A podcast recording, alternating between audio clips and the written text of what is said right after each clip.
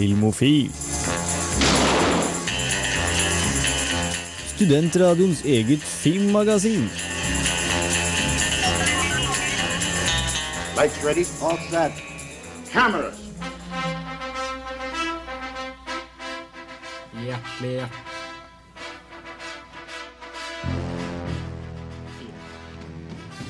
hjertelig, hjertelig hjertelig velkommen til Filmofil her på Radio Revolt FM 100 og 106,2. Eh, litt teknisk trøbbel i starten av dagens sending, men vet du hva? Det ordna seg til slutt eh, når vi klarer å vite hvilken mikrofon vi skal eh, skru på. Mitt navn er Jens Erik Våler, med meg i studio fra lengst borte, Gaute Eliassen. Sjalabais. Jeg Satt lengst, eh, lengst nord i studio, der jeg Ja, hører hjemme. I det grå hjørnet. Ja. Eh, I det lyseblå hjørnet, Camilla Klein. Hei, hei. Hei sann.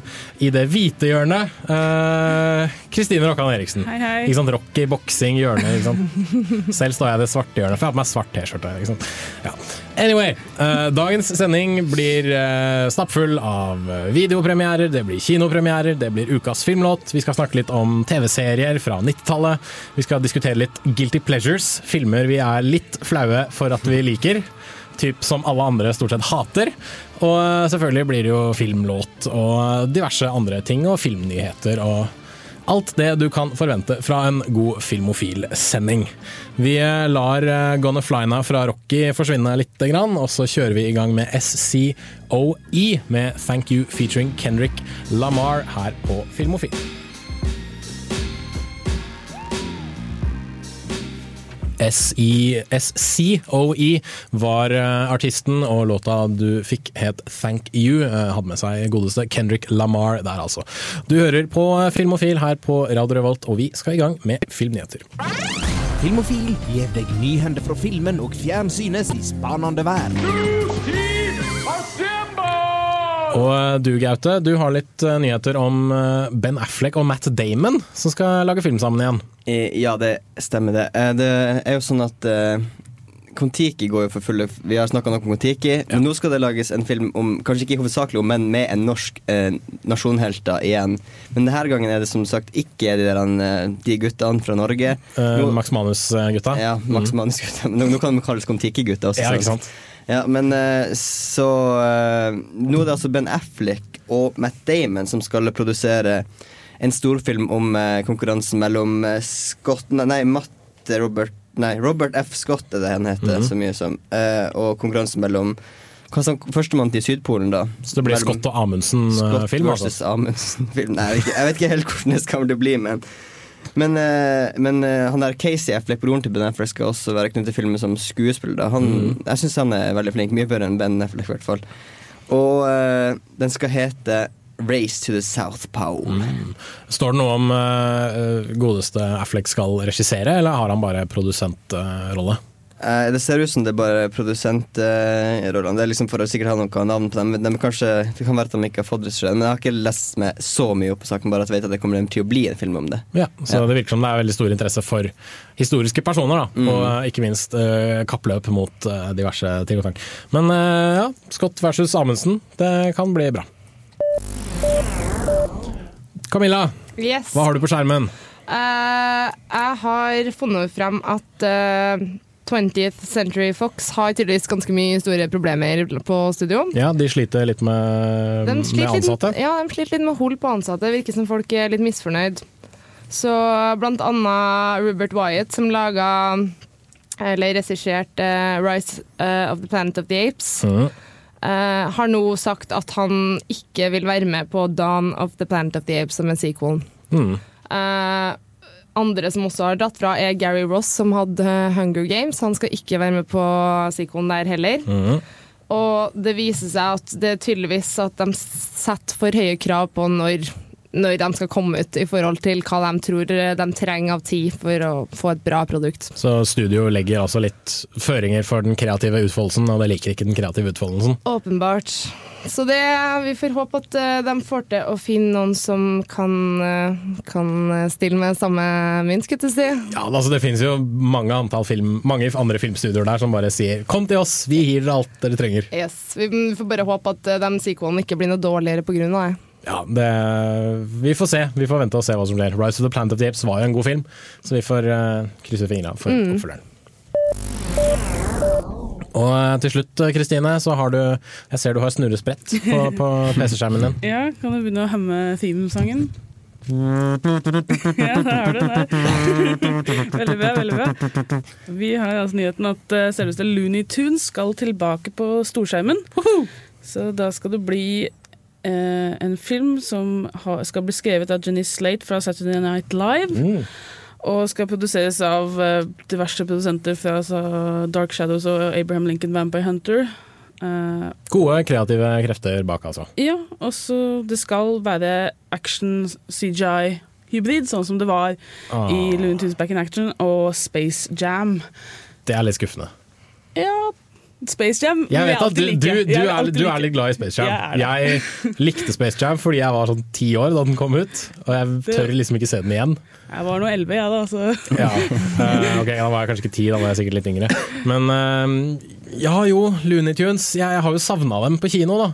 Men jeg syns heller de bare kan kjøre på med litt sånn god gammeldags animasjon.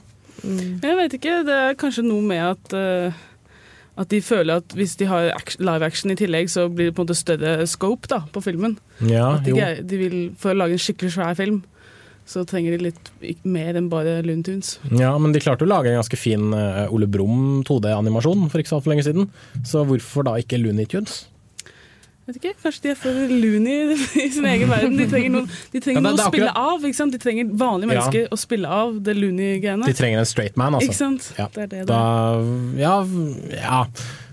Jeg er ikke akkurat optimistisk, men Nei, hei, jeg, vi, vi får se hva som skjer. Vi skal ha litt flere filmnyheter, vi. Blant annet litt eh, snakk om eh, Marvel sin Guardians of the Galaxy-film, som nå har fått sin eh, regissør. Eh, Men før den tid så kjører vi på med litt grann halls. Du skal få låta 'Roses for the Dead' her på Filmofil.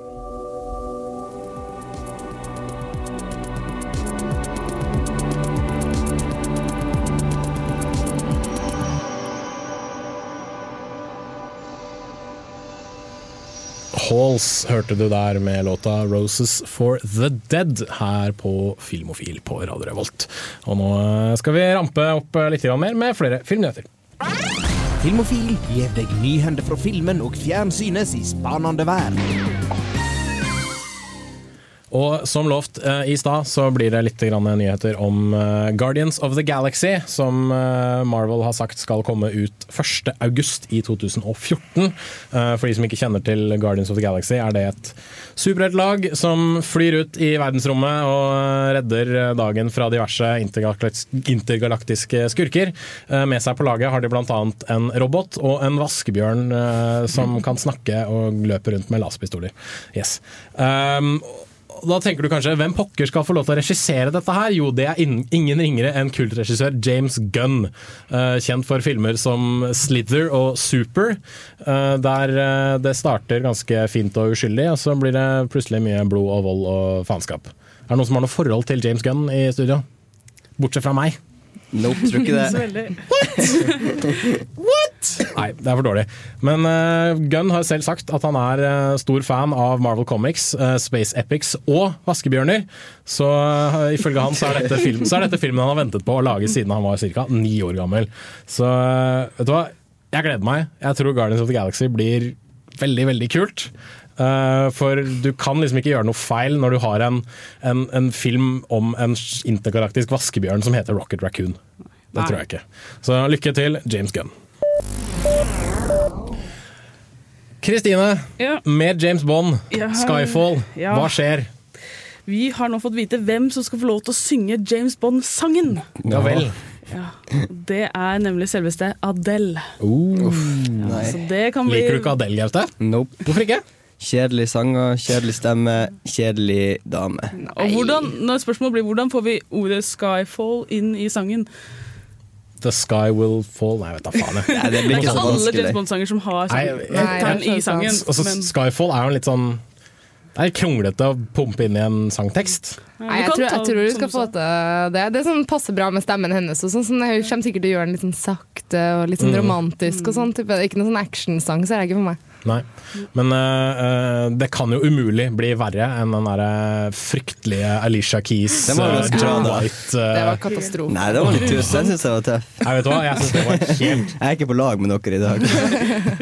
Gaute er litt sånn opposisjonell i studio i dag. Det er, eh, Nei, hva skal vi gjøre med det? Nei, men jo, det kan umulig bli verre enn det. For jeg syns det var en skikkelig, skikkelig skitlåt. Jack White på tromme.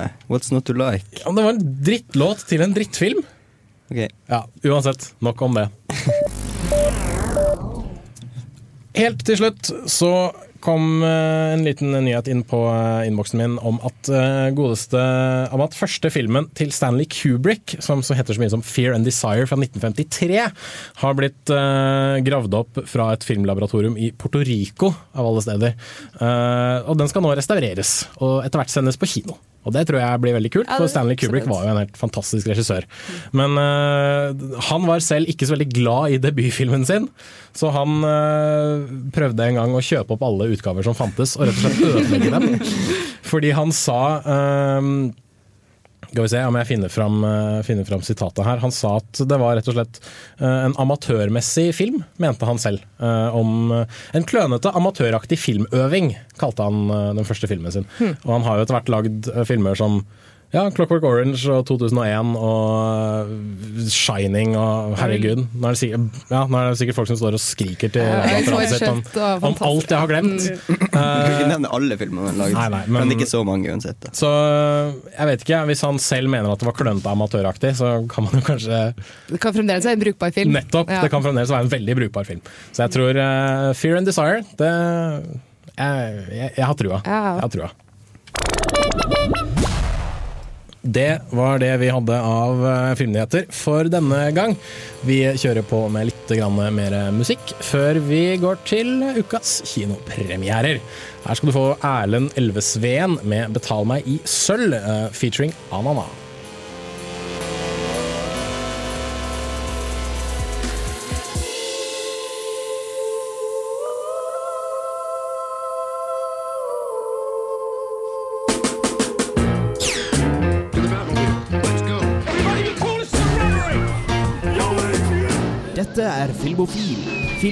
Fjernsyn, skuespillere, kamera, action. Ja, rubb og stubb her på Radio Revolt. Time after time, girl.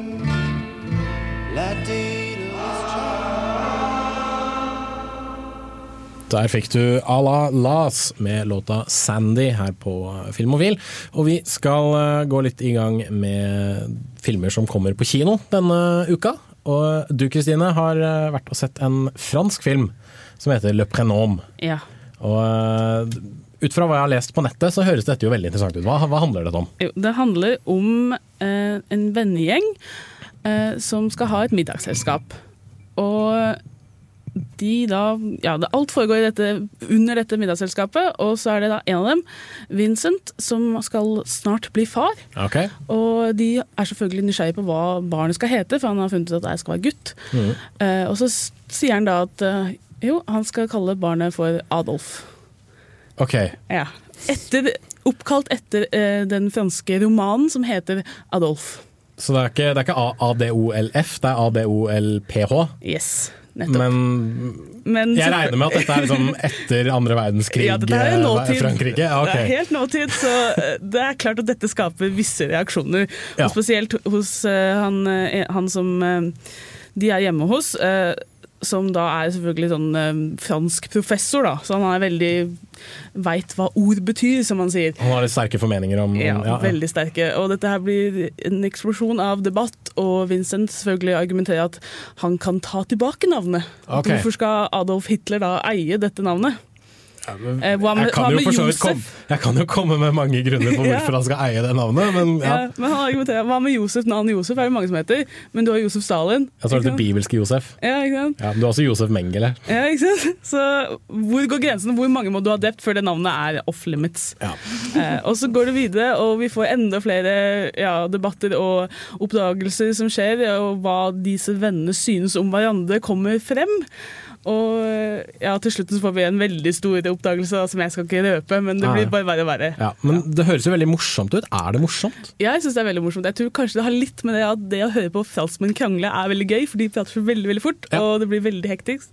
Så det er bare gøy. Det blir også veldig lidenskapelige Ja, når, når, når de krangler. Så det er liksom Ja, det er veldig sånn 'Nå drar vi oss i håret og skriker', og 'du kan ikke gjøre det her', du er ikke så dum. Ikke? Mm. Så å høre franskmenn banne er jo enda gøyere. Sant? Eh, ja.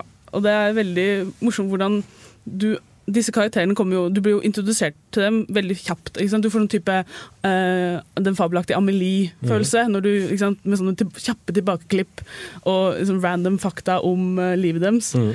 Eh, og så får du dem du får dem veldig godt innpå deg, fordi du skjønner med en gang hvem som på en måte spiller hvilken rolle i denne vennegjengen. Mm. Så du blir veldig godt kjent med dem.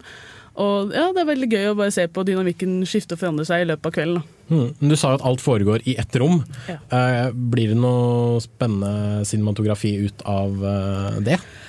Nei, kanskje ikke akkurat i rom, men du får disse morsomme tilbakeklippene og for eksempel altså sånn her à la du vet på Scrubs, når du får sånn at han Kjappe flashback, sånn. ja. Sånn, han forestiller seg hva som kunne ha skjedd, eller hva som kanskje skjer, eller kanskje har skjedd. Mm. Det er veldig gøy å få sånne innimellom.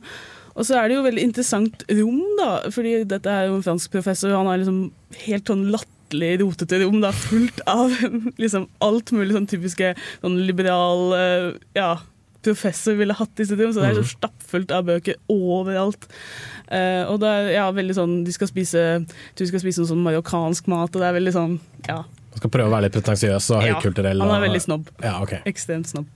Og det, det høres ut som det er en god, god film å se, hvis du kanskje er glad i litt sånn quirky franske filmer. Ja, det er absolutt for de som liker litt den Amelie-følelsen. Mm. Som er eh, sånn litt absurditet, men litt sånn, sånn søtt og ja. Og så morsomme vendinger som plutselig slår inn. Mm. Du skal få lov til å trille et eh, aldri så lite terningkast. Ja, jeg har jo veldig lyst til å gi den en, en femmer, for han var jo veldig gøy, men jeg tror han liksom slakka ned litt for mange ganger. Mm. Og slutten ble litt sånn ikke i samme stil, og den på en måte føles ut som den er lagt til. Sånn, Den var litt lite gjennomført, kanskje? Ja, jeg føler liksom at slutten ble litt sånn Å ja, OK, det, dette var dette, liksom. Mm. Eh, så jeg gir den en veldig sterk firer. Ja, Sterk terningkast fire der altså til Le Prénom. Var det det Ja? Le prénom, som betyr fornavn. Fornavn, ja. Ja, ok. ja, fordi det handler om fornavn. Fornavn Adolf, ikke sant. Mm. Eh, vi skal eh, høre litt mer fra Kristine, for hun har vært og sett eh, den nye norske filmen 90 minutter, som har premiere i Norge nå på fredag. Men uh, før den tid så kjører vi i gang med litt grann mer musikk her på Filmofil på Radio Revolt. Du får Calexico med Algiers, og uh, kjør på.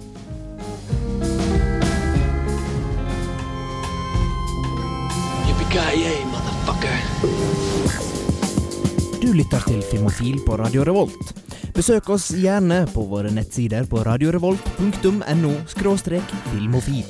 Der finner du meldinger av kino- og videopremierer, og i tillegg podkast av alle våre sendinger. Har du ris eller ros, tips eller triks, kontakt oss gjerne på elektronisk post. Filmofil, krusedullalfa, radiorevolt.no.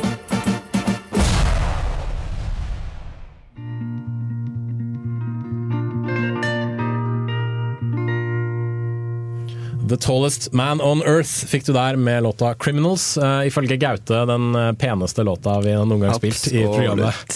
Det kan ha noe med at uh, Det kan ha noe med at Gaute også er med i et program som heter Popstase, som uh, selvfølgelig lister litt grann musikk her i radioen. Men jeg er enig, det var en fin låt. Og før det så hørte vi selvfølgelig litt Calexico. Men mer kinostoff fra fransk sånn hva skal jeg kalle det? Eh, Absurditet. Absurditetskomedie. Ja. Til eh, litt sånn mer norsk, eh, hardtslående faenskap. Ja, veldig hardtslående. 90 minutter. Yes. Det handler om partnerdrap, Ja. hvis jeg ikke tar helt feil. ja, altså, det handler jo om menn som dreper kvinner. Ja. Det- Ikke menn som hater kvinner, altså. Ja, eller ikke, det, handler om menn, ikke, det var feil sagt. Eh, eh, menn som gjør vold mot kvinner, må det sies. Okay. Eh, og ja, det er tre på en måte kortfilmer vevd inn i hverandre. Mhm. Eh, du har en fortelling med da Aksel Hennie, som spiller en eh, kokainmisbruker som slår kjæresten. Eh, du har en gammel mann som tydeligvis har kommet litt i vanskelig ja, økonomisk situasjon, og mm. han da gjør, opp, altså han gjør i stand til helt klart å ta livet sitt da, og venter på at konen skal komme igjen.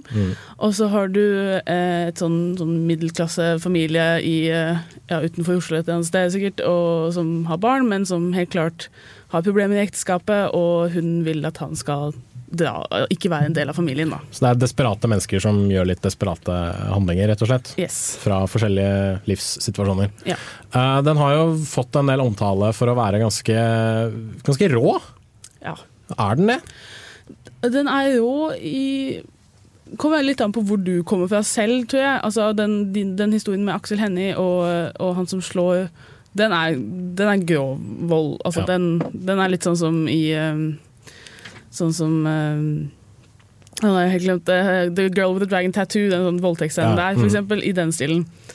Eh, de andre er mer sånn Altså vold, eh, vold mentalt og ja ikke, ikke, ikke sånn, altså Det er ikke sjokkerende sånn som jeg ville bli Jeg blir ikke sjokka av det, men det kan jo hende at jeg er bare den gjengse filmgjenger kan kanskje bli litt ja, sjokkert. ikke sant? Jeg har ikke den muligheten til å se det så godt. Mm. Men jeg skjønner, alle historiene er ganske sjokkerende i seg selv, men den, selvfølgelig den med Aksel Hennie som er liksom den in your face-sjokkerende. Mm. Ja. Det er den som kanskje er litt jævligst. Ja, Ja. uten tvil. Eh, men han har jo, jeg har lest noen intervjuer hvor han blant annet har sagt at han har måttet kaste opp og greier etter eh, opptak. og hatt Han har hatt det litt jævlig og spilt denne rollen. Hvordan er, hvordan er det liksom med skuespillerprestasjoner og sånt nå? Det virker som det er en sånn krevende film å spille i. Ja, det er det helt klart. Og alle, alle spiller veldig bra. Det er ikke noe tvil. Mm. Eh, Aksel Hennie er veldig skummelt overbevisende. Altså, det er et av med øya hans som er creepy gjennomført. Altså, det er, eh, ja, nei, det, Han har fått seg barten også, har jeg sett. Litt sånn her, sånn, han har fått seg en litt sånn porno Burt Reynolds-bart. Kompensere for mangelen på hår på hodet. bare. det, det kan godt hende. Eh, Nei, al- altså alle, alle som er med, er veldig bra. Mm. Det er gjennomførte prestasjoner, alle sammen. Og det er mye som sies altså, Det er veldig mye som sies men veldig lite. Det er liksom små kommentarer. Du må, du må jobbe veldig mye selv. da. Du må tolke hele tida hva som kan ha skjedd i bakgrunnen. Men det er kanskje ikke en film Altså det er kanskje en film man må stålsette seg litt uh, før man ser den. Man kan kanskje ikke bare si ja, vi går og ser 90 minutter, og så underholder vi oss selv i halvannen time. Ja, Jeg vil ikke si at dette her er en så veldig underholdende film. Nei. på noen måte. Dette her er en film man ser fordi man er nysgjerrig på sånne type temaer da, som vold mot kvinner og, og ondskap fra det hverdagslige. Altså at hvem som helst kan plutselig vise seg å være en helt annen sadistisk person. jævel, Ja, mm. ikke sant? Den type problemstillinger. Så nei, ikke en film man drar på en fredagskveld med vennegjengen. Absolutt ikke. Men er det en film du likevel vil anbefale? Ja, både ja og nei. Eh, Jeg syns deler av den funket veldig veldig bra. Andre deler, det blir sånn at Hvis du liker den delen, så venter du hele tida på at du skal komme tilbake til den historien. Ja. Mens de andre er litt sånn Åh, gøy, må vi se det han her fyren igjen i så så lenge. Så jeg tror det kommer veldig an på om du er, du er helt klart du, du har lyst til å se en film som påvirker deg på en annen måte enn, enn å bare underholde. Mm. Så jeg vil anbefale den til folk som er nysgjerrig på sånne type filmer. Mm. Sånne filmer som prøver å si noe mer. Flettefilmer. Ja. Ja. Um, ja, det er egentlig det. Man kan liksom ikke Man kan liksom ikke bare dra og tenke at uh, dette her er den første sånn type Altså, du må ha litt erfaring, tror jeg, med okay. sånne litt sånne filmer som du må jobbe med, da. Mm. Så. Men absolutt en film som, som jeg tror mange burde se, kanskje. Mm. Folk, som, folk som ikke er klar over hvor, hvor, eh, hvordan vold kan skjule seg, da. Og jeg, til slutt, da, dette evinnelige terningkastet som eh, vi alltid gir. Ja, Det er veldig vanskelig, fordi som sagt, det er deler av filmen som funker veldig bra. Mm. Andre filmer som jeg ikke likte. Um, men jeg vil si at det er en, det er en grei firer, rett og slett. Fordi liksom, de går veldig opp og ned i løpet av filmen. Da. Ja. En grei firer der altså, til 90 minutter, som nå er på å se på kino. Det var det vi hadde av kinoanmeldelser for denne gang her i Filmofil. Vi skal straks ha ukas filmlåt. Her får du Scott MC med 'Flowers'.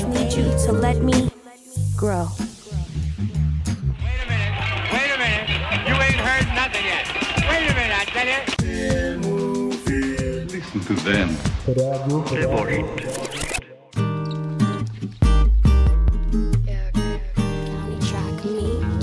Play it once, Sam. Det er jo alltid å ha musikk når den er påtent. Helst noe indisk eller pakistansk. Ukas filmlåt. Det stemmer det. Vi skal til ukas filmlåt her på Filmofil. Du hørte i stad Kilo Kish med Water Gun. Og eh, du Gaute, det er du som har tatt med deg ukas filmlåt denne uka. Stemmer det. Eh, Det er, har jeg tatt med rett og slett åpningslåta fra eh, filmen The Fighter som kom ut i 2010. stilig. eh, Som handler om Mickey og Dickie. De heter jo det i filmen, da. Eh, Dickie spilt av Christian Bale, som han vant Oscar for. Så Og han er- Mickey ja, spilt av Marky Mark. Marky Mark. Marky Mark som Mickey. Ok. Ja. Ja, så ja, kul film. Jeg syns den er verdt å se, i hvert fall pga. prestasjonen til eh, Christian Bale, som, men som alltid vanligvis er dritbra. Han er Ja, ikke sant? Så ja.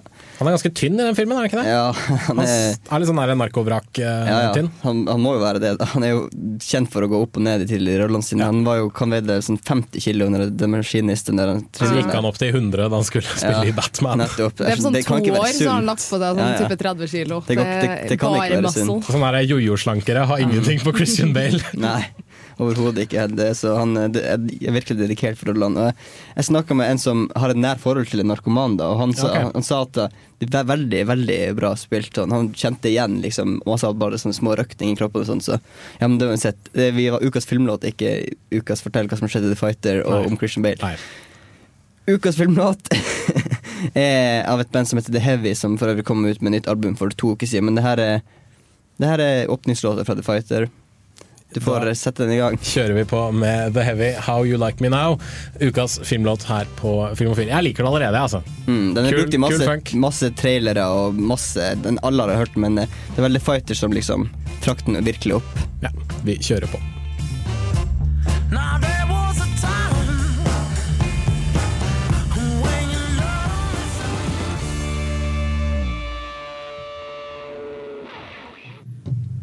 Yes, Da fikk du The Heavy med How You Like Me Now. Det ble litt uh, kort. Den Stoppa litt brått på meg akkurat der, men vi kjører på med Videonytt her på Filmofil. Nytt i videohylla. Rykende ferske digitalfilmer som du kan ha i din heim. Yes, vi er på Videonytt. Og hva er det egentlig som kommer ut på DVD og Blu-ray denne uka? Kristine. Det kommer ut foil. Detective Foil, altså. Ja. BBC Foil. Jeg er veldig glad i foil. Han er awesome. Ok, Da må du bare forklare. Hva er det med foil som er kult? Han er bare så gjennomført sånn Britisk? Ja, okay. men i tillegg så har han den der lille lure smilet innimellom. Som, han er ikke sånn bare uptight standarddetektiv. Han har den derre sjarmen som ingen andre har. Altså, nei, glem Poirot og de der andre. Nei, det er foil. Så hvis du er glad i britiske procedurals, så anbefaler Kristine Hvor mange sesonger er det av foil som kommer ut, egentlig? Uh, Fem? Seks? Nei, jeg tror det er eh, to sesonger. Og så er det litt bokser og andre ting også, er det ikke det? Ja. Ja. Eh, For de som er litt mer glad i amerikansk eh, procedural, så er NCIS eh, Los Angeles, tror jeg, ute på Blu-ray og DVD denne uka. En, jeg vet ikke om det er Det er vel første eller andre sesong? En sesong ni er det. Sesong ni? Ja, står det her. What? Sesong ni. Ja, det var NCIS vanlig, men NCIS Los Angeles Los Angeles er vel sesong sesong tre. Det er sesong ja, sesong tre. Det er, sesong ni, virkelig?! Ja, det er sykt. Jesus Christ, altså. Ja, ja. Um, også litt komedier. How to Make It in America. Uh, også TV-serie. Og uh, hvis du er litt uh, Hadde du noe å si, Gaute? Nei. Nei, det, du, bare kom med sånn Ja, jeg bare strakk meg litt. Ja, okay. Uh, hvis du er glad i Sasha Baron Cohen, så er jo godeste The Dictator ute på DVD. Den har jeg ikke sett. Jeg hører at den er helt OK morsom. Sikkert. Ja. Helt ok morsom. Og så kommer eh, en annen serie som heter Hung. Sesong tre kommer ut. Thomas Jane Ja. spiller en mann med litt stor penis. Yeah. Der har vi sagt penis på nok en Filmofil-sending. Kan vi krysse av for denne uka? Ja, det var, det var ukas kvote. Uh, er du glad i Steven Segal, så har Hard to Kill uh, kommet ut på Blu-ray. Uh, den er skikkelig, skikkelig dårlig, men det er Steven Segal, så hey, why the hell not? Yes.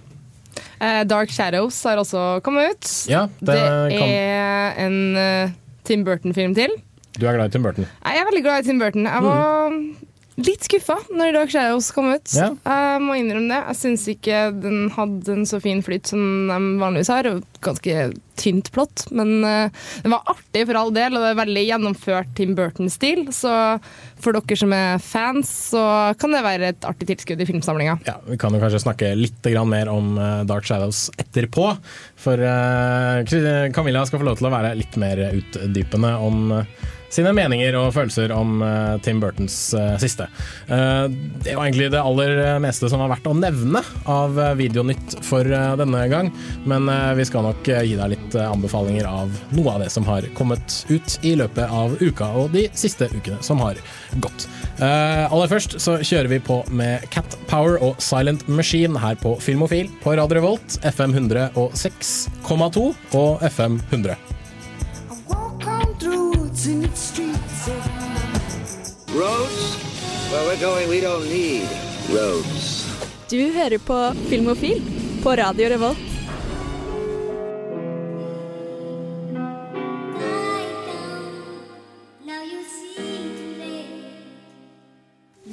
Stally fikk du der med Petron Hill Peonies, uh, står det faktisk her. Jeg tror faktisk det er altså, peon som i blomsten. Um, det var en Harry Fraud uh, Wave mix her på Filmofil på Radio Rolt. Uh, Dark Shadows, Yes. Camilla. Mhm. Den er ute på Blu-ray og DVD denne uka. Du snakka litt grann om den i stad, men jeg vil høre litt mer. Ja. For det er en, det er en vampyrfilm. Det er, ja, Du kan kalle det vampyrfilm. Det er diverse andre skapninger med også. Mhm. Det er vel egentlig mer en sånn magifilm mer enn annet. Mhm. Eh, du har Johnny Depp i hovedrollen, selvfølgelig. Det er jo. Tim Burtons.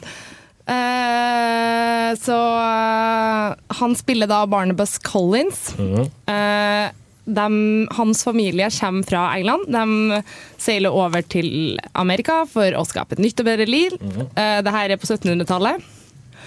Og de gjør det veldig bra for seg. De blir stor og mektig og eier en hel port. Steinrike. Ja, steinrik, Mm. mer eller mindre. Eh, og, men det er en kvinne som blir veldig forelska i Barnabas, vår hovedrolle. Mhm. Uh, og han er ikke forelska i hun.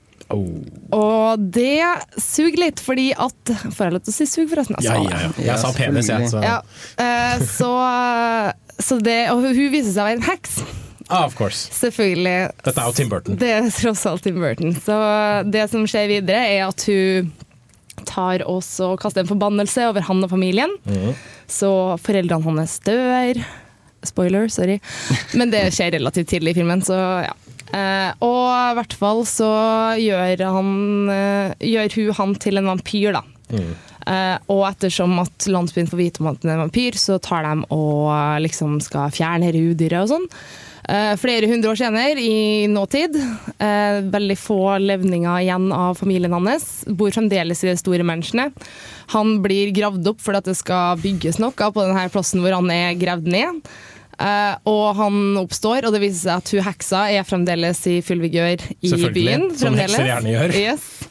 Og da blir det ganske mye spektakel når han skal tilbake til, han kommer tilbake til familien. da, fordi at han er jo sånn stort navn i den familien. For, det, for dem så representerer det når at de var på sin storhetstid, Mm. for de er ikke like rike Så lenger. han skal fikse familien Han sin, skal da, fikse familien, og han skal liksom fjerne heksa og ikke måte på. Mm. Så det er, det er et relativt tynt plott, syns jeg. Eh, det var artige vendinger nå og da. Jeg så han når han kom på kino, så det er jo en liten stund siden nå. Mm. Eh, men i hele tatt så var det veldig, som sagt, bra Tim Burton-stil, men, eh, men det var litt, eh, litt svak film. Jeg Det var ikke, kanskje ikke helt gjennomført. Nei, jeg syns ikke det holder et lys mot de fleste andre Tim Burton-filmer. Mm. Favoritt-Tim Burton-film er Åh, nå spør du vanskelig. eh, jeg syns de tidlige Batman-filmene er kjempekule. mm. Eh, Riktig svar. ja. Ellers så er jeg, jeg er generelt veldig forheksa av Jeg syns Big Fish er kjempefin. Um, åh, jeg kunne ha sittet sånn her Du, kjempelenge. du går jo filmvitenskap i tillegg, så du kommer til å bli vist veldig mye Tim Burton-film, Ja, kan jeg skrive noe på. Han er jo veldig, veldig flink på å lage en type film. Han har jo helt klart en egen stil du kan kjenne igjen Tim Er det, noe, er det noe humor i denne Dark Shadows? Helt klart, helt klart. Det, Funker det? Det funker, for så vidt. Det gjør det. Det er mye, mye som er artig. Eh, spesielt det der med at hun heksa er fremdeles forelska i barnebesta.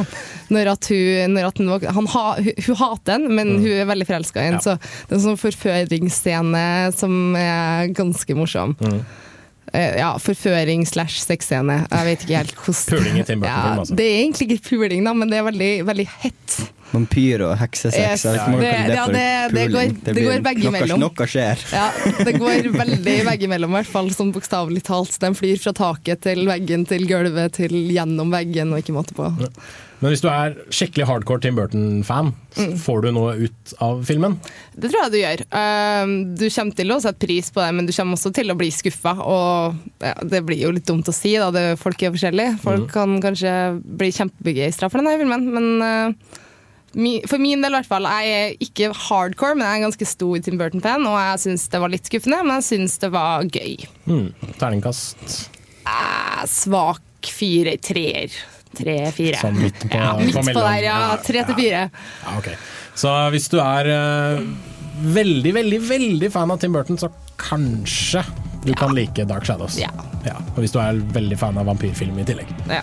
Uh, selv er jeg stor fan av vampyrfilm, men jeg vet ikke om Dark Shadows høres helt up my alley ut. Nei. Men uh, det kan være, for alt jeg vet. Vi kjører på med litt mer musikk. Her får du Ungdomsskolen, Askefast.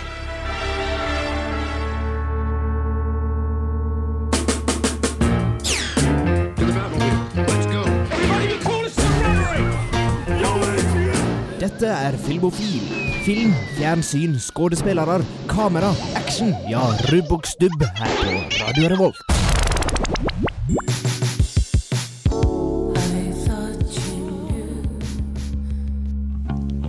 Jesse Ware får du, fikk du der med Sweet Talk her på Filmofil på Radio Revolt. Vi skal uh, prate litt om Guilty Pleasures etter hvert. Ikke helt ennå. Men eh, aller først så har jeg litt lyst til å presentere en av mine store ja, Det er kanskje ikke en guilty pleasure, men det er en, jeg kan i hvert fall si at det er en skikkelig drittfilm. Som også er jævlig morsom. Så derfor blir det jo en, en slags guilty pleasure, i hvert fall. Eh, så her får du en eh, liten video Ikke video, en liten lydreportasje jeg har laget om filmen The Room. Jeg har faen ingen Hi, babe. These are for you. Thanks, honey. They're beautiful. Did you get your promotion? Nah. Johnny og Lisa lever et tilsynelatende perfekt liv i San Francisco. De to skal snart gifte seg, men Lisa har sakte, men sikkert blitt misfornøyd med forholdet. Hun kjeder seg og innleder et forhold til Johnnys venn Mark, hvilket fører til forviklinger. I hendene til en god regissør kunne dette ha blitt et ganske ok melodrama, men i hendene til Tommy Wiseau får vi Citizen Kane av dårlig film. Well, it's a very interesting story. When I moved to San Francisco uh, with two suitcases, and I didn't know anyone, and I have uh, I hit YMCA with a two thousand dollar check which I couldn't cash. Why not?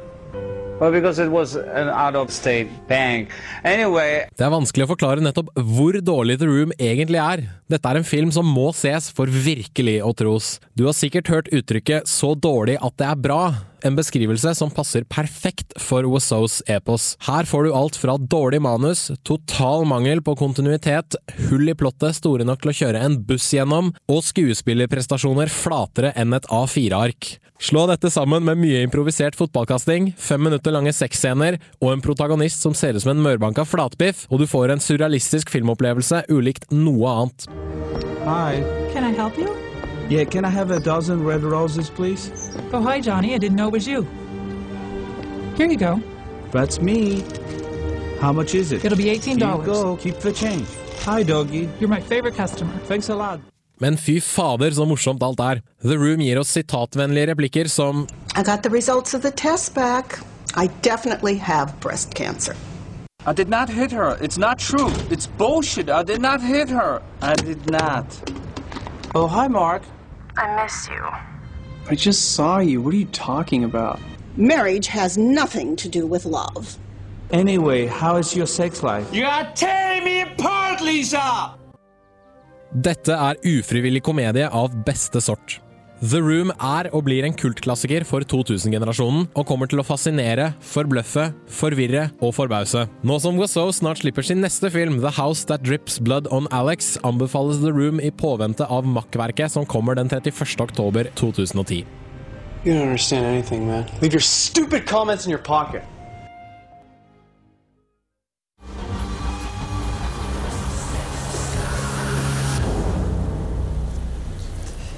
Tremor Tarantura der altså, med Ava Leaches, fikk du her på Filmofil på Radio Revolt. eh, Der vi skal snakke litt om uh, Guilty Pleasures. Og jeg presenterte i stad en av mine Guilty Pleasures, The Room. Uh, Det er kanskje ikke en guilty pleasure sånn sett, for det er jo ikke en film som jeg, som jeg hater å elske. Men det er jo heller en film jeg elsker å hate, for den er skikkelig, skikkelig dårlig. Men uh, ja, Guilty Pleasures, filmene vi er litt flaue over at vi liker.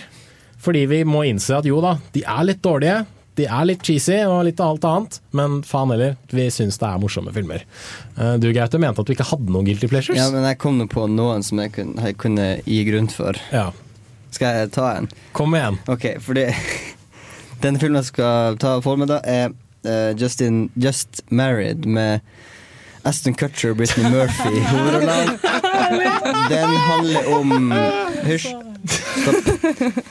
Den handler om eh, dem to som er nettopp gift og drar til Europa på honeymoon, så begynner de å krangle og ting går til helvete. Grunnen for at det er en guilty pleasure, er fordi at jeg så på den. Så satt jeg bare og så på den, og så når jeg kom helt til slutten, så hadde Essen Kutcher sånn der han få tilbaketallelsene. Sånn, sånn, han sto han han sto utenfor huset hennes, og så var han bare på sånn der, eh, klokkekamera. Sånn, så de så han Ja. Og så hadde han en tale, da. En monolog. Og jeg ble rørt av den monologen. og derfor er det en guilty pleasure. Og det kom helt uforventa. Jeg ble rørt av Ashton Kutcher. Husker du hva han sa, da? Jeg har ikke peiling. Men noe må det ha vært som traff meg. ja. Just Married, altså. Ja, Just Married. Wow. Det, jeg har ikke sett den. Jeg regner med at den er egentlig Jeg har ikke sett den. Ja. Okay. Det, det, er ikke noe, det er ikke en kvalitetsfilm, men jeg kan jo på en måte forstå hvorfor den Ble dere rørt av denne Nei, det, jeg kan, det kan jeg ikke påstå at jeg ble, faktisk. Ja. Men uh, du var kanskje litt mer into it enn hva jeg var. Følte du at han snakket direkte til deg, kanskje? Det kan godt være. Jeg vet ikke hva det var. Jeg vet, kan ikke forklare det. Hardt liv. Eh, noen andre? Kristine, du er jo skikkelig filmnerd. Ja. vil jeg påstå. Og de fleste av oss filmnerder har jo noen filmer som vi må innrømme at jo da, det er kanskje ikke en Ja, det er perfekt en- film. Det er en film som jeg alltid sier når jeg blir spurt det spørsmålet, eh, og det er en god grunn til det. Det er en, en western musical som heter Ah, jeg tror jeg vet hvilken Ja. retning du skal i. som heter Paint Your Wagon, med selveste Clint Eastwood i hovedrollen. Eh, det Synger Clint Eastwood i filmen? Ja, han gjør det. Eh, og den er fra 1969. Her kommer da mitt oppfølgingsspørsmål. Okay. Fordi i en episode av The Simpsons Ja. så leier de eh, Paint Your Wagon-filmen. Nemlig. Der Clint Eastwood ja, danser og synger om at de skal bokstavelig talt male en jævla vogn. Og så skal de male den grønn. Og så må de bruke oljebasert maling fordi treverket er av furu eller noe sånt. Jeg vet nøyaktig hvilken episode.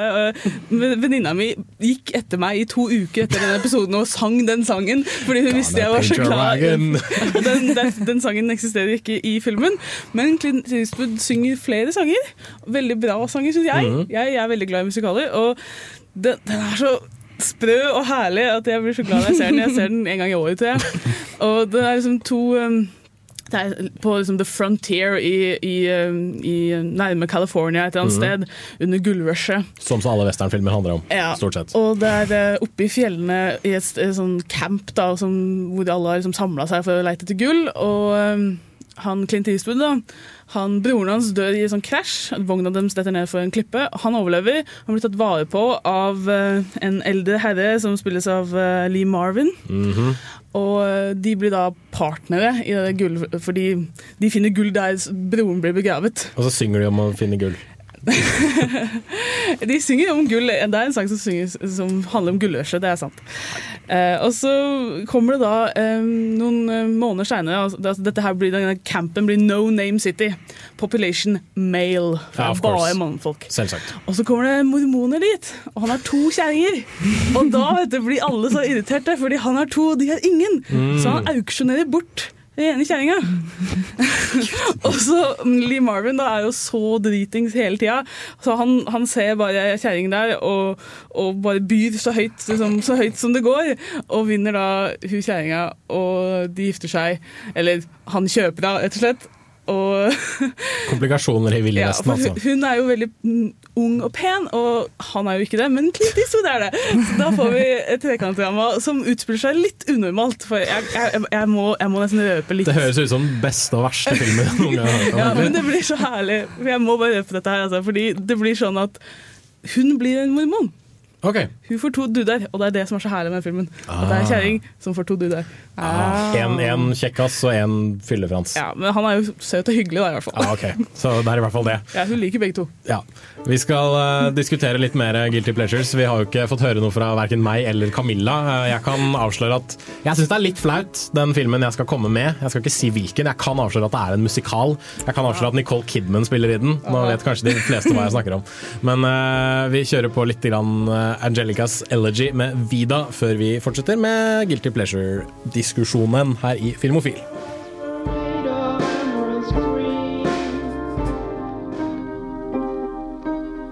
Der fikk du Angelicas Elegy her på eh, Filmofil eh, på Radio Revolt, hvor vi diskuterer litt guilty pleasures. Og du Camilla kunne avsløre at du har ikke bare én film, du har en hel sjanger. Yes.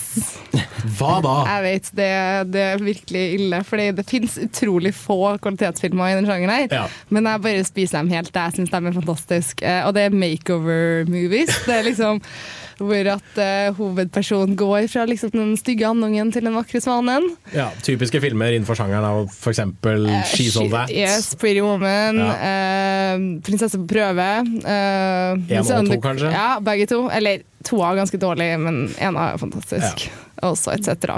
Dere Hva, skjønner hva er det egentlig med dem som, som gjør dem så, så appellerende, tror du? Jeg har ingen anelse. Jeg vet ikke. Jeg har, det er sånn, hvis jeg sitter hjemme og ikke trenger å se en kvalitetsfilm, bare har lyst til å se noe lett underholdende, så driver jeg og søker på makeover movies. Jeg syns det er dritgøy, og jeg syns de fleste er kjempebra. Ikke sånn bra i den forstand av at det er liksom gode kvalitetsfilmer, men det er, det er artig. Jeg koser meg skikkelig.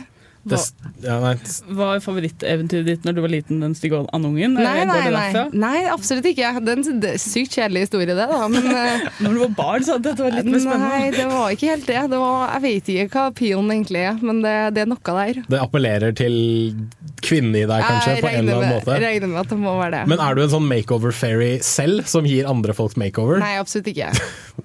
Absolutt ikke, men det er utrolig artig på film. På samme måte som vold er veldig bra i film, men ikke så veldig fantastisk i virkeligheten. Det er litt sånn kosefaktoren, da. Det ja, jeg tror det. Jeg koser meg skikkelig. Jeg sitter, og så blir de så vakre, og så blir gutten litt sånn så eh, men, men, men det som ofte skjer i disse filmene, er jo at skuespilleren som spiller nerden, i anførselstegn, hun er jo egentlig veldig pen fra før av. Ja. Altså, Anne Hathaway i den der Princess, Princess Diaries, eller hva pokker det heter, hun er jo utrolig pen. Men Nei, men det er Og så bare Nei, de tar av akkurat- henne brillene, og så Nei, Oi, nei, vips! Akkurat det eksempelet der, det, der vil jeg ikke være helt enig med. I ganske mange filmer så er det jo sånn type She's all that. Pen jente, liksom. Hun bruker briller, klipper av håret, og så liksom, ja, fantastisk. Men eh, jeg syns de har klart å gjort uh, Anne Hathaway ganske, ganske lite delikat uh, før krøller.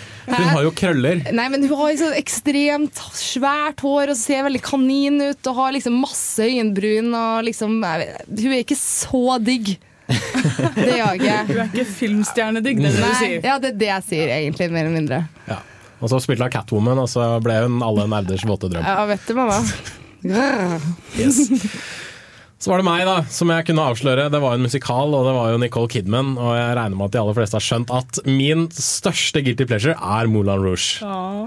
Det synes jeg er. Jeg syns ikke det er en guilty pleasure i det hele tatt. er. Bra film, altså. Jeg- jeg- Dritkul musikk. Ja. Ja, nettopp, men, men det jeg etter hvert har innsett er at det er en film som er stil over substans. For innholdsmessig så skjer det veldig lite. Mm. Det er en kvinne som forelsker seg i en mann, og så innser hun at shit, jeg har forelsket meg i på en måte riktig anførselstegn mann fordi det er den store kjærligheten. Mm. Men uh, dette teatret hun jobber på, det trenger jo penger, og så skulle hun forføre han derre hertugen, og så er han skikkelig sjalu og overspillende drittsekk. Mm. Men det er, liksom, det er innpakningen, det er fargene, det er liksom Mm. cinematografien og musikken og ah! Det, bare, men det er i veldig stor grad sånn at det. er veldig sånn kunstnerisk verk mm. uh, i måten det er lagd på. og ikke minst uh, Jim Broadbent, uh, den store feite engelskmannen som han jo er- som rapper i et vers til den derre eh, Lady Marmalade-coveren sin.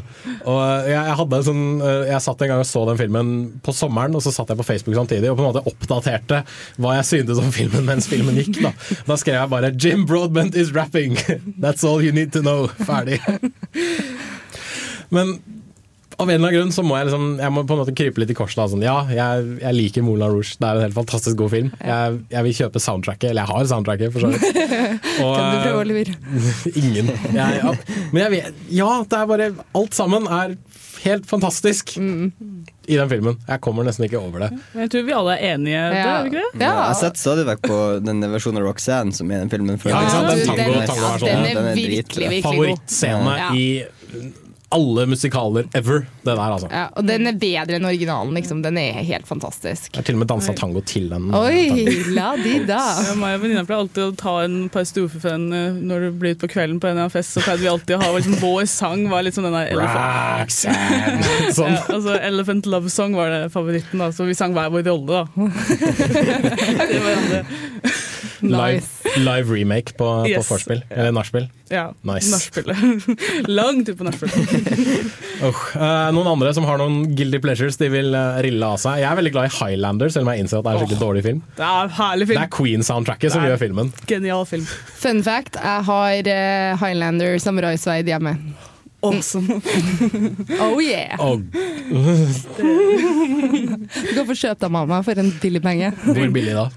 Nei, vi snakker tall etter sending. Ja, ok, Vi snakker tall etterpå. Vi kjører på med litt mer eh, musikk og avslutter eh, diskusjonen om guilty pleasures. Kanskje du har fått noen eh, ideer til filmer du selv kan like? F.eks. makeover-filmer. Eventuelt Moulin Rouge.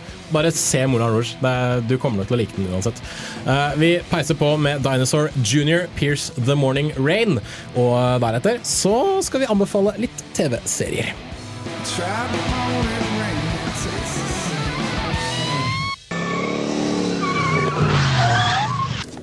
My calculations are correct. When this baby hits 88 miles per hour, you're gonna see some serious shit. Du hører på Filmofil på Radio Revolt. What did I tell you? 88 miles per hour!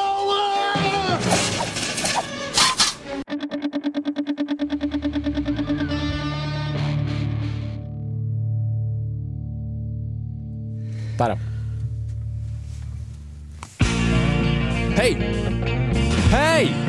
Det er ikke en 90s sitcom-flashback. Ta og Skru på noe annet. Ja, bedre, men prøv igjen. Der, ja! Ahem.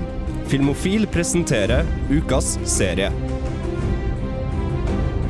Det stemmer. Vi skal til ukas serieanbefaling her på Filmofil. Og vet du hva? Vi kjører på med litt 90s sitcom flashback. vi. Bare for å irritere Christian. Bare for å irritere Christian. Christian, jeg vet du hører på.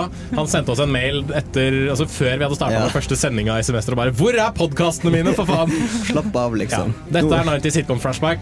Friends. Yay! Som vi alle har vokst opp med. Ja.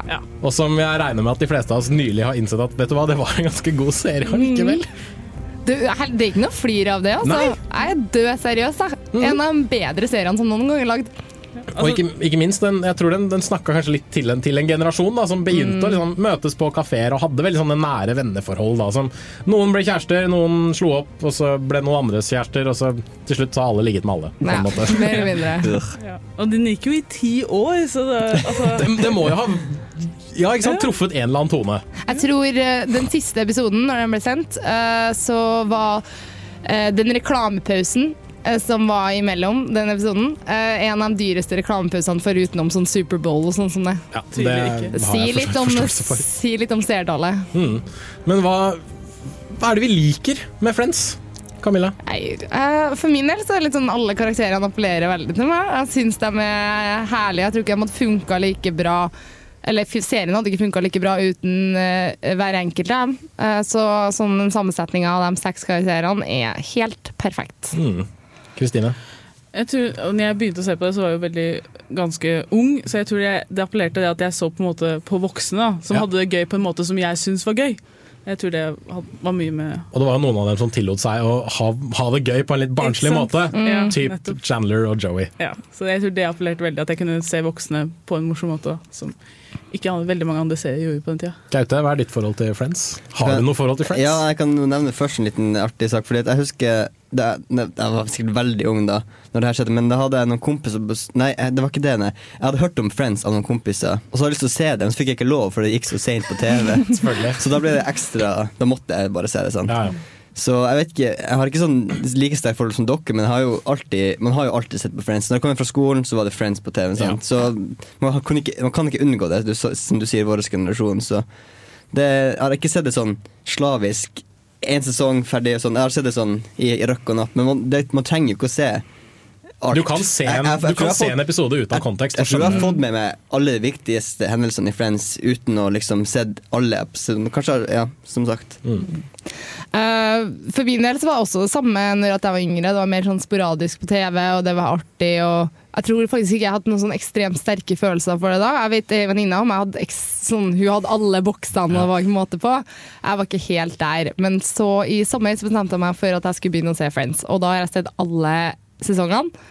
Yes, Så det har vært skikkelig Friends Marathon, og jeg kan nå uten tvil si at det er absolutt en av mine favorittserier. Og spesielt som du sa, Chandler og Joey. Eh, når de er med roommates i Jeg husker ikke, det var litt sånn midtsesongene. tre- To-tre sesonger.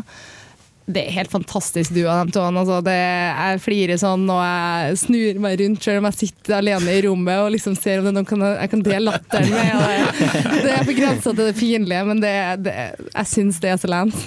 Som betyr gøy for dere som ikke snakker trøndersk. Ja, For, for, meg så var, for meg så var det litt sånn her Det var liksom den det var en belønningsserie, på en måte. Fordi det var en, Mamma visste at det var trygt nok for at jeg kunne Mm. se det da det gikk på TV. At jeg var, liksom, jeg var gammel nok, selv om jeg var litt ung. Uh, og da kunne jeg se den sånn ja, halv ti på kvelden før jeg gikk og la meg. Da, da så jeg på Friends. Eventuelt hvis jeg var for trøtt, så tok jeg det opp på videokassett. Oi. Jeg var litt sånn hardcore Ja, Friends. Ja, ja, jeg skulle ta det opp på videokassett. Så jeg tror hjemme, hjemme i barndomshjemmet så har vi en to-tre videokassetter som er liksom labela Friends. Da, Yes. Som har liksom blitt spolt tilbake gjentatte ganger og tatt over på nytt igjen.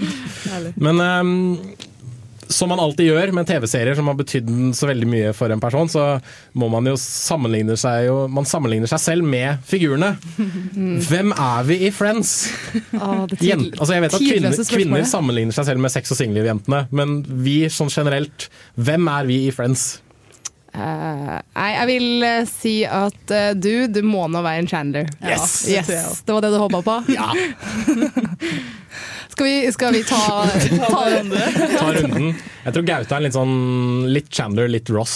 Ja, bra, for Jeg tenkte også kanskje det var en hybrid, men jeg visste ikke mellom hvem. Men, ja.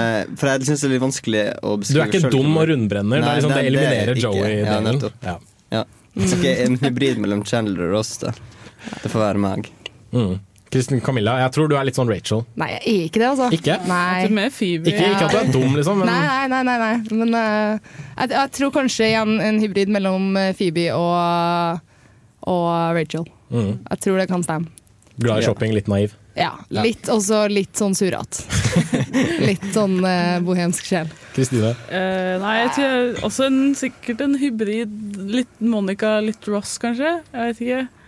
Du, du må ha ting liksom gang, på stell hele tiden? Litt sånn Nei, OCD, ikke så ille, men er, jeg er veldig god til å rydde. Det er det. Ja, okay. Jeg er veldig veldig flink til å rydde når det må til. Så er det liksom alltid liksom, Du må ordne i den skuffen, og så blir alt helt superrett og fint. Du har ikke sånn 17 forskjellige håndklær og sånt? da? Nei, det Guest, så- fancy guest, paven. Nei, men jeg har blitt opptatt til å liksom bruke ja, ordentlige ja, stoffservietter, jeg eksempel strykeservietter. Ja. Sånne ting som ikke vanlige studenter tror jeg bryr seg om. Ja. Så ja. Og så er jeg jo litt sånn Ross, da, fordi jeg er veldig sånn nerdete om de tingene som jeg Kanskje litt smånevrotisk også. Ja. Vi sier det. Friends, altså. 90-tallet og for så vidt begynnelsen av 2000-tallet. Det var jo Good times. Det var vår TV-serie. Det var vår generasjons TV-serie. De som vokser opp nå, de ser på How I Met Your Mother, men de vet ikke at Friends kom først. Yes. Tror jeg. Jeg ser på begge deler, jeg. Ja, men jeg tror vi kan Ja, vet du hva? Vi kan understreke det. Friends, det var 90-tallet. 2010-generasjonen, det er How I Met Your Mother. Yes. Eh, se Friends på DVD. Alt er ute. Det er dritkult så kjører vi på med litt uh, Dirty Projectors, Offspring Are Blank, her på Filmofil, som dessverre begynner å gå mot slutten.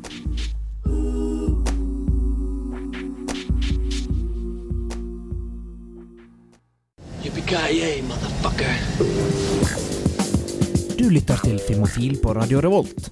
Besøk oss gjerne på våre nettsider på radiorevolt.no filmofil. Der finner du meldinger av kino- og videopremierer, og i tillegg podkast av alle våre sendinger. Har du ris eller ros, tips eller triks, kontakt oss gjerne på elektronisk post. Filmofil, krusedull alfa, radiorevolt.no. Du hørte Dirty Projectors med Tekniker, ta skrull opp Der, ja, takk. Offspring are blank her på Filmofil på Radio Revolt. eh, Som dessverre begynner å gå mot eh, slutten, så derfor tar vi den vante oppsummeringen. Eh, Le prom...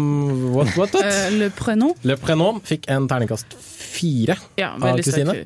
Ja, veldig sterk firer. Eh, morsom, god fransk film med litt sånn Amelie-takter. Mm. Eh, 90 minutter fikk også en firer. Ja, en helt, helt vanlig firer. Helt vanlig firer fra Kristine. Eh, den er ikke så veldig morsom, men, eh, men det er en god film. Altså, den er bra laget. Ja. Eksempel av konstruert på alle måter. Mm. På eh, videofronten eh, er for dere Tim Burton-fans er Dark Shadows ute. Den fikk vel en treer-firer av Camilla. Kan- Syv, da. Syv, Syv av seks. Anyway, eh, så hvis du er blodfan av Tim Burton, så kan du kanskje eh, sjekke ut. Hvis du ikke har noe annet å se i eh, helga. Um, eh, alle våre anmeldelser blir selvfølgelig lagt ut på radiorolt.no slash filmofil. Vi har også en Facebook-side som er facebook.com slash filmofil. Der legger vi også ut linker til våre anmeldelser og til ting vi syns er kult, som har med film å gjøre. Dagens tekniker har vært Jonas Strømsodd. Da kom jeg endelig på etternavnet hans. Um, og ja, lik oss på Facebook. Det liker vi. Vi skal kanskje prøve å skaffe oss Twitter-konto etter hvert også. Det tror jeg kan være lurt. Uh, sosiale medier, vet du. Vi er bare sånn fem år for seint ute. yes, yes. Det var eh, dagens eh, sending. Vi skal avslutte med US Girls og Jack. Eh, mitt navn er og har vært Jens Erik Våler. Jeg har hatt med meg Gaute, Camilla og Kristine i studio. Vi hørs om en uke.